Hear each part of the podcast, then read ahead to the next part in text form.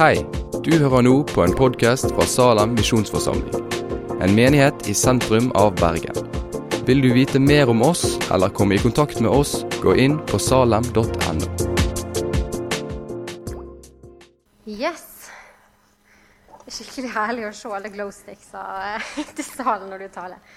Det er et sånn peptalk i seg sjøl. Um, ja.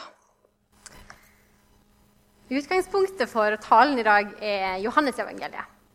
Og det er av, eh, en av mine favoritthistorier fra Bibelen. Johannes 4, om den samaritanske kvinnen, eller kvinnen ved brønnen, som mange pleier å kalle den fortellingen.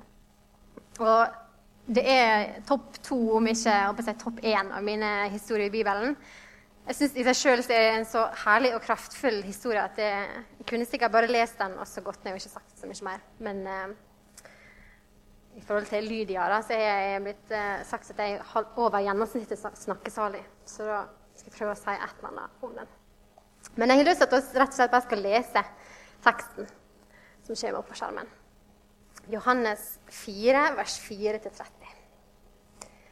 Han måtte dra gjennom Samaria. Så kom han til en by i Samaria som ble kalt Sykar, nær det jordstykket som Jakob ga til sildsønnen sønn Josef. Jakobs brønn var der. Jesus var nå trett etter reisen, og derfor satte han seg ned ved brønnen. Det var omkring den sjette time. En kvinne fra, fra Samaria kom da for å hente vann, og Jesus sa til henne, 'Gi meg å drikke.' Disiplene hans hadde nemlig gått inn til byen for å kjøpe mat.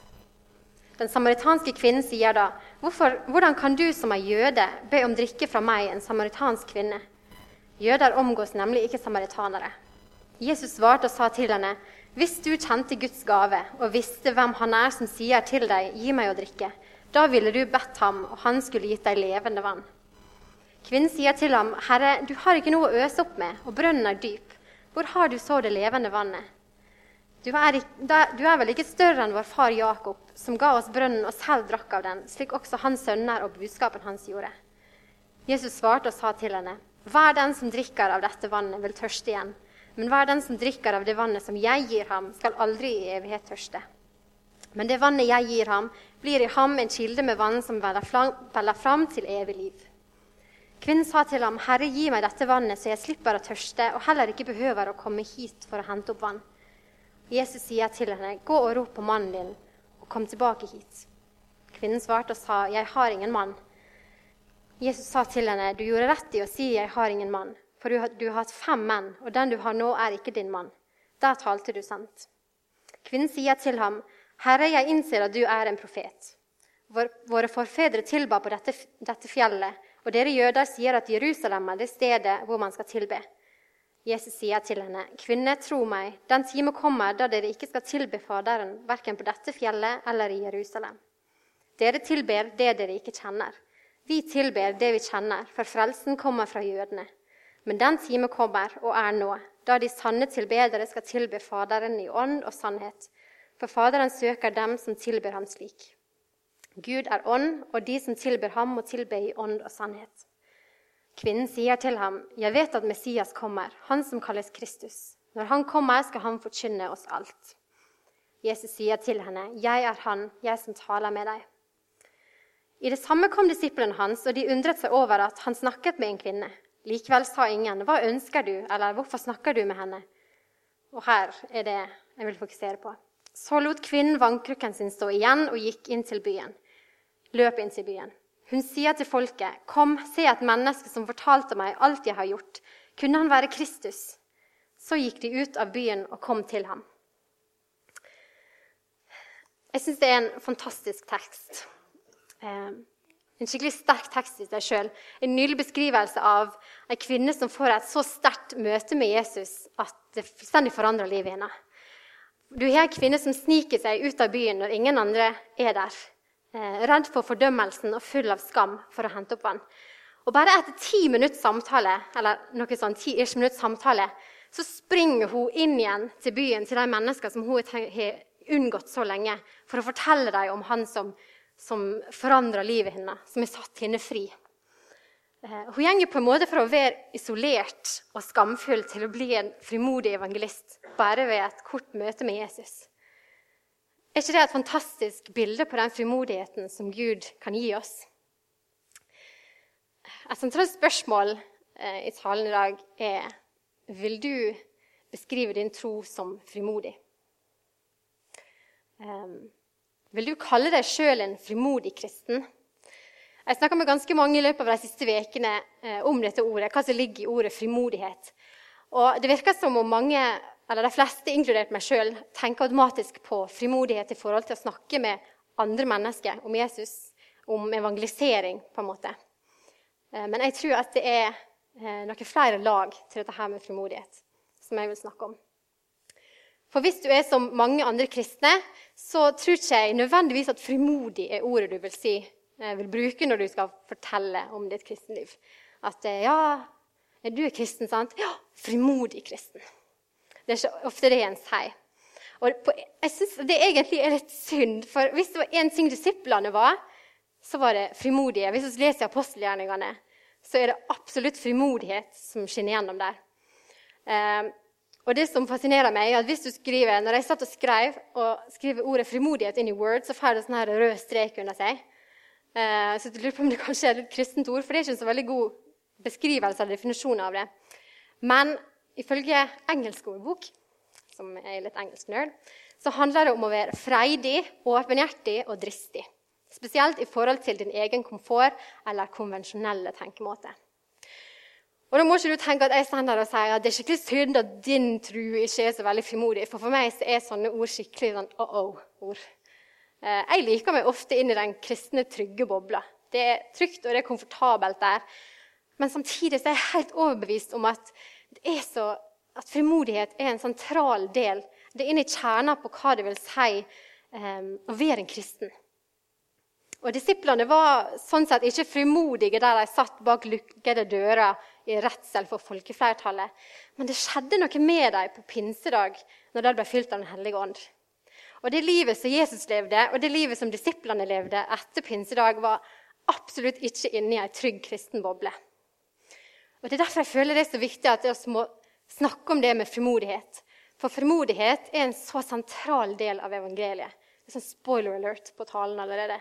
Det er en utrolig viktig del av evangeliet. Det handler om hva det vil si å leve i tru, i stedet for å bare ha ei tru.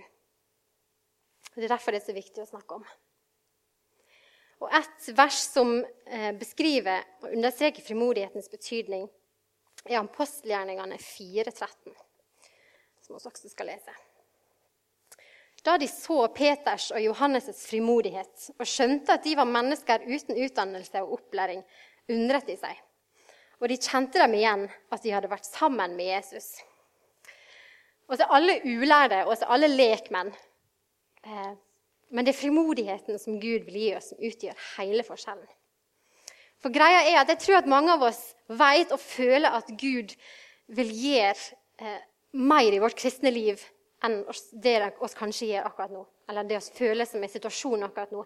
Men så vet vi ikke hvordan. Så vet ikke hvor vi skal begynne, og så er ikke frimodighet. Og jeg vet ikke med dere, men Det er sjelden at jeg forventer at det skal skje like store, liv, like store ting i mitt kristenliv som det du leser om, om om Peter og Johannes og Josva.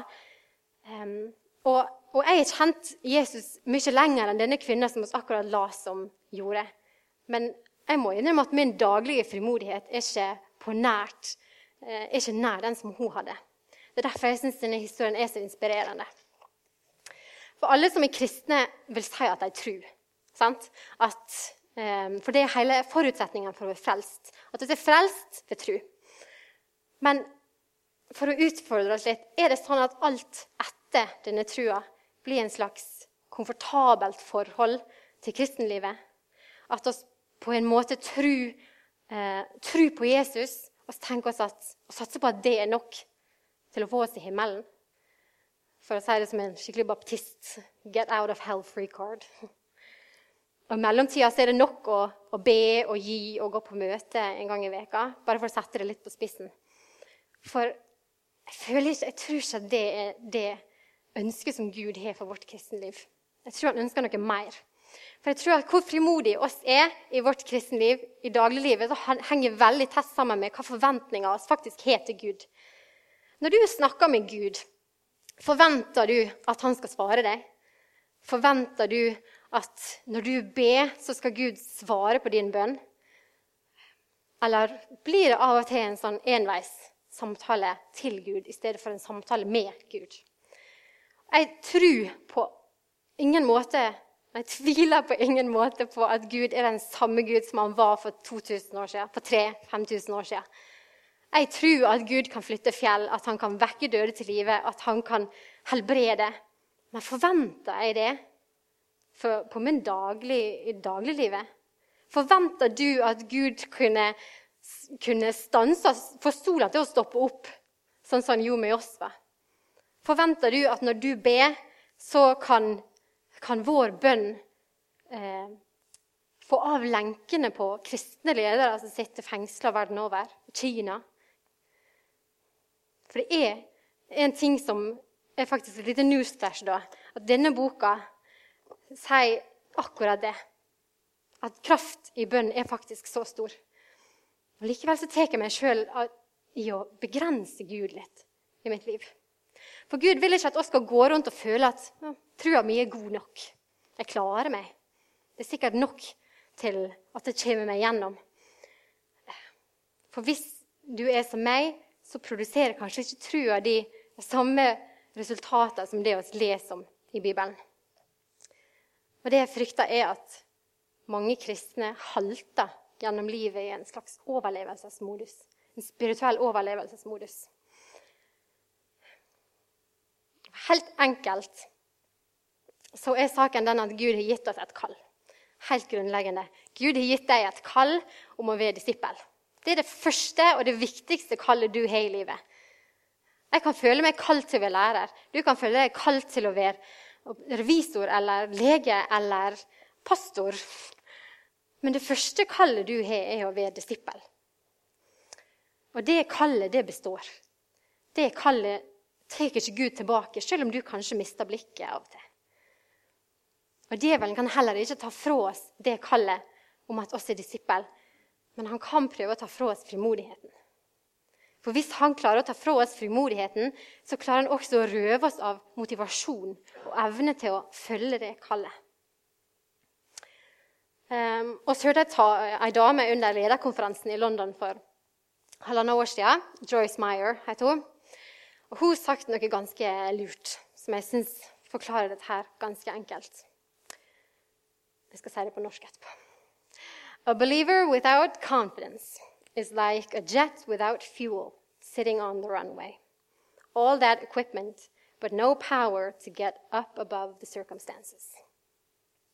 Det er ganske rett på sak at en kristen uten frimodighet er som et fly, en jet uten drivstoff som bare står på rullebanen. Fullt utstyrt med alt en trenger, men en har ikke kraft til å komme seg over de omstendighetene. Og Det dette betyr, er at Gud har utrusta oss med alt oss trenger til å gjøre store ting i verden. Og Det går kanskje stikk imot jantelova. Og mange tenker kanskje at det er litt sånn her amerikansk baptistteologi. Men jeg tror at uten den frimodigheten som Gud vil gi oss, så er vi faktisk i fare for å gå glipp av noen av de største sidene ved det kristne livet. I fare for å gå glipp av å se Gud faktisk bevege seg.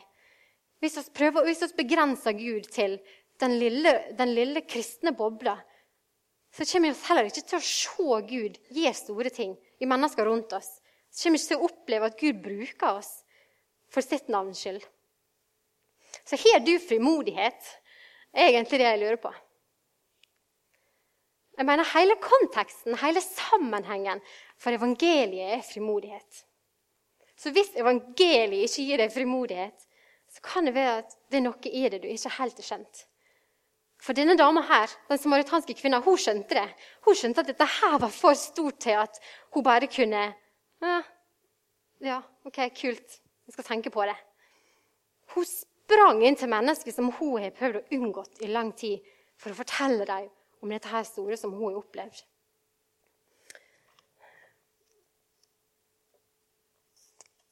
Jeg tror at, um, at Gud vil utruste oss med frimodighet på iallfall to områder. Det første området var det jeg nevnte først. Frimodighet overfor andre mennesker. Og denne her er tøff. Jeg syns den er tøff. Jeg syns at å være frimodig om å snakke med andre mennesker om Gud kan være utrolig vanskelig av og til. Jeg tror ikke det var derfor jeg ble spurt om å tale, fordi jeg er kjent for at jeg er superfrimodig. Men jeg har en venninne. Eh, mange venninner. Fantastisk venninne. Men en venninne av meg hun er utrolig frimodig på det med å få i gang samtaler om Gud. Jeg kan treffe henne, og hun forteller at hun har jobba med ei som var i et litt sånn destruktivt eller vanskelig forhold, og så trengte å snakke med noen. Og så kom de i snakk og fikk snakke litt om Gud, og så skal hun være med i kirka neste uke. For henne er det å snakke om Gud og starte samtaler som har om Gud og tro å gjøre, og spørre hva tenker du egentlig om Jesus og tro og sånn. For henne er det så naturlig. Det er som å, det er som å puste. Det er så naturlig. Og jeg syns det er så inspirerende. Altså, jeg var, jeg, for et par uker siden så spurte jeg en tigger om han ville ha nektarin. det ville han ikke ha. Så sto jeg der da, avvist av en tigger som ikke ville ha nektarin, med en sånn korg full av nektarin, og tenkte dette var skikkelig kleint. Dette her gjør jeg aldri igjen. Og Der ligger litt av feilen min, det tror jeg. Nå er jeg skikkelig drevet meg ut. Dette her vil jeg aldri gjøre igjen. Gud, tenk at du lot meg ydmyke meg sånn. Og Jeg sto på busstoppet bare for ja, nesten ei uke siden. Og eh, et par meter ved siden av meg så står det ei jente. Så hun skikkelig stand og kjempa for tårene, litt sånn smågrine. Og jeg kjente bare eh, Jeg kjente bare at Gud sa Lydia, du skal gå bort til denne jenta og fortelle henne at jeg elsker henne. Og jeg tenkte du kan si det. Jeg har ikke tenkt å si det. Hvor teit hadde ikke jeg sett ut? Skikkelig menneskefrykt. Og igjen og igjen og igjen så må Gud lære meg den samme leksa. Fordi det er jeg som gir deg frimodighet. Dette er ikke din kamp. Det er jeg som bruker deg, ikke omvendt. Det er ikke du som skal prestere. Og Nå sier ikke jeg at, at, for, at Gud vil gi deg frimodighet, gjør at mennesker kommer springende til deg og Lydia, Lydia, kan ikke du fortelle meg om Jesus? Men bare i løpet av de siste to månedene når jeg har tenkt på dette temaet og snakket med folk, så jeg kjente at Gud utfordra meg, og på en positiv måte utfordra meg. Jeg begynte som sagt i ny jobb for tre uker siden. Og da, eh, to dager ute i jobb, så sitter jeg sammen med de to som jeg jobber tettest sammen med. Fantastiske damer. Skikkelig min type dame. Og på en eller annen måte så kom vi oss inn på kor og menighet og tru og liksom sånn uh, Ja, snakka liksom om Gud. Og jeg satt igjen med bare forbløffelse over det er så utrolig ikke jeg som har æren for at vi har snakket om dette her i to timer. Det er Gud som ga frimodighet til å stille spørsmål. Og jeg bare sitter igjen og bare Wow. Det er ganske kult når du bare føler at, føler at det er Gud som, som gir deg frimodighet. Og Det er nettopp derfor denne historien om den samaritanske kvinna er så sterk for meg. Og hvorfor det er en av mine favoritthistorier i Bibelen. For, for det første så er det Jesus som møter henne der hun er. Hun søker, går ikke og søker etter Jesus og prøver å finne han, men han møter henne der som hun er. Og For det andre så gir han denne frimodigheten. Og Du har kanskje hørt det mange ganger, men Gud bruker ikke nødvendigvis bare de som er pastor eller kirke, si, kirketjenerdatter eller sønn. Nå kommer jeg ikke på ordet eller sønn av en predikant eller en forkynner, eller hva det skal være. Men Gud bruker alltid den som er villig. Så derfor er spørsmålet til deg er du villig. Jeg spør ikke deg om har du delt evangeliet med noen i det siste for å gi deg dårlig samvittighet. eller sånn. Men jeg vil at du skal bare stille deg spørsmålet er du villig til å dele evangeliet med noen. Er du villig til å være Jesus' disippel? I tillegg til å gi oss frimodighet overfor andre, så vil Gud også gi oss frimodighet overfor Han. Og Denne her syns jeg er kjempespennende. Um, jeg blir litt mobba fordi jeg er så fan av en dame som heter Rachel Gardner. Eh, hun har hatt bibeltimer og taler under UL noen år. Og så, for noen år siden så hadde hun et seminar om hva, de stilte spørsmålet hva er tegn på at noen vokser i trua på Gud. Og hun gjorde et viktig poeng om at en som vokser i trua, er en som blir mer frimodig i bønn. Å tørre å stole på Gud for ting som ligger utenfor vår komfortsone, tror jeg er et viktig tegn på at en vokser i bønn.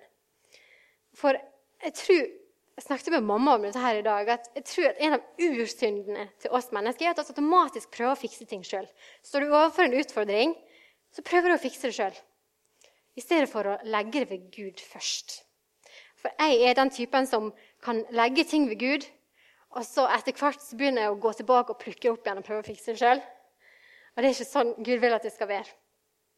For vi er ikke bare kalt til å ha ei tru, som jeg sa, men vi er kalt til å aktivisere trua vår. For frimodighet er ikke bare noe Gud vil gi oss eh, i møte med andre mennesker, men det er også noe han vil gi oss eh, som et tegn på at vi holder oss tett til han. Jo tettere oss er til Jesus, jo nærmere du holder deg til Jesus, jo mer frimodighet tror jeg at han vil gi deg. I Jeremia 17, vers 7-8, så leser oss Jeg tror ikke det kommer opp. men Velsignet er den mann som stoler på Herren og setter sin lit til ham. Han er lik et tre som er plantet ved vann og strekker røttene mot bekken. Det frykter ikke når heten kommer. Løvet er grønt. Det engster seg ikke i tørketider og slutter ikke å bære frukt. Når vi ja, bærer frukt. Når oss er sammen med Jesus, så gir det Den hellige ånd eh, bygningsmateriale på en måte, til å skape frimodighet i oss. Og det gir, gir en bygningsmateriale til et budskap som oss kan dele. For faren er at hvis du ikke holder deg nær til Gud, så tar du til takke med en sånn overlevelsesmodus. Um, og du kan begynne å føle deg som en fiasko fordi at du måler deg med andre mennesker i stedet for å se til Gud først. Og du prøver å håndtere syndene i livet ditt eh, og prøver å opp, aktivt oppføre deg som en god kristen i stedet for å legge ting ved Gud sine føtter. Og støke han og stole på han for ting som er utenfor din komfortsone. Hvor fint er ikke det å være et tre som alltid har grønne blad? Jeg ser ikke så mange av dem i Bergen. Og Nå må ikke du misforstå meg, for frimodighet handler ikke om at du skal klatre opp på det høyeste fjellet og kaste deg utfor, og så satse på at Gud tar imot deg.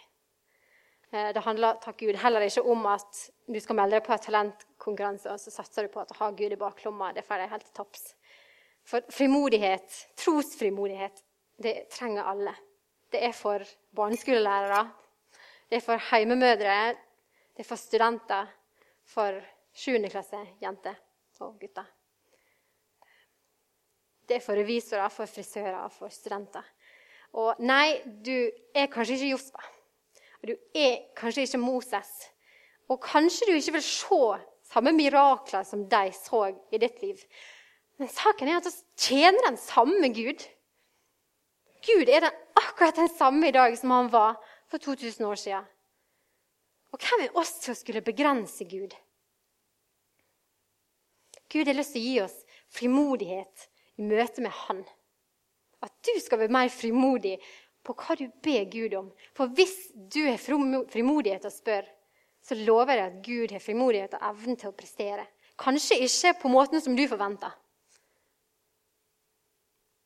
Men oss tror på en Gud som er så stor at han er evnen til å prestere hvis du er frimodig nok. Um, og en side til ved frimodighet, sånn avslutningsvis. Jeg og Ole Kristian gikk gjennom Haukeland en dag på vei hjem. Og eh, idet vi gjenger gjennom på en måte mellom bygga, og så idet vi gjenger gjennom, så sier han Tenk så mye som skjer her inne. Noen som har hjerteinfarkt, og noen som kjemper for livet. Og jeg bare kjente en sånn akutt sånn nød hjertet mitt. bare brast litt. Tenk, tenk, så mange her inne som ikke kjenner Jesus. Så mange mennesker som kjemper for livet og ikke kjenner Jesus. Og Kanskje du kan sitte der og tenke åh, enda en taler som gir meg dårlig samvittighet for at jeg ikke har delt evangeliet med noen i det siste. Og det er ikke meninga. Jeg meninga å oppmuntre deg og gi deg ønske om å få frimodighet. Men saken er at jeg tror frimodighet også eh, skapes og næres når vi innser at faktisk folk gjenger fortapt hvis de ikke får høre om Jesus. Og da burde jeg få en nød og en glede i deg til å skulle dele det videre. For oss har muligheten til å gjøre noe med det. Og Meninga er at jeg skal oppmuntre deg til å stole på at Gud er større enn du tror. Gud er større enn du tror, og Gud vil faktisk bruke deg. Han vil så inderlig utruste deg med frimodighet til å møte, til å snakke med og vise kjærlighet for andre mennesker. Ikke nødvendigvis meninga at du skal, skal, starte en samtale hver gang med 'Hei, du, jeg må fortelle om Jesus. Når passer det for deg at jeg gjør det?' Det er ikke alltid det slår an hvis du satser på et langvarig vennskap. Men dette må vise kjærlighet for andre mennesker. Den skal gi oss større frimodighet. Og også vise frimodighet i møte med Han. For av og til så tar jeg meg i å be bønner som Det er kanskje litt realistisk at Gud vil svare, men så er det noen ting som virker litt store. Og så må jeg, meg, må jeg skjerpe meg og tenke Du tror på det som står i Bibelen. Og disse sangene som vi synger til innledning Nå kommer jeg ikke på hva teksten var, men det beste framfor oss det gamle ligger bak, det beste ligger foran. Hvis vi faktisk tror på det, så er vi en Gud som faktisk vil utruste oss med frimodighet. For han kan gi så utrolig mye større ting enn oss kanskje gir han creds for. Så ikke, ikke ta til takke med, med et kristenliv som er godt nok. Det er ikke meninga at det skal være en tale der du føler at å, nå må jeg skjerpe meg og ta meg sammen. Men hold deg nær til Gud. Søk Gud. Be Gud. Ta deg sjøl og Forventer du faktisk svar? Er du åpen for Guds svar? Hva tør du å legge foran Gud? For det er ingenting som er for lite. Det er ingenting som er for stort for Gud. Be Gud om frimodighet. Jeg vil bare be helt til slutt. Kjære himmelske Far. Takk for at du har gitt oss alt vi trenger for å være dine disipler. Takk for at du er konstant, at du er klippen, og ditt kall til oss, Jesus, det består. Takk for din tålmodighet, Jesus. Takk for alt du vil lære oss. Takk for at du vil bruke hver enkelt som er her inne. Uansett hva bakgrunnen er, uansett hva framtida er, Jesus, så vil du bruke oss. Jeg ber om at oss kan vi åpne for å la deg bevege deg i vårt liv. Og la deg bruke oss med venner, med familie, Jesus, i fellesskapet. At oss kan hjelpe, oppmuntre og utruste og utfordre hverandre, Jesus. Jeg legger hele forsamlinga i Salem foran deg, far. Hjelp oss til å være mer frimodige i møte med andre. Hjelp oss til å være mer frimodige i møte med deg. Hjelp oss til å ikke begrense deg, Gud. Hjelp oss til å innse at du er den som er allmektig, Jesus. I ditt navn. Amen.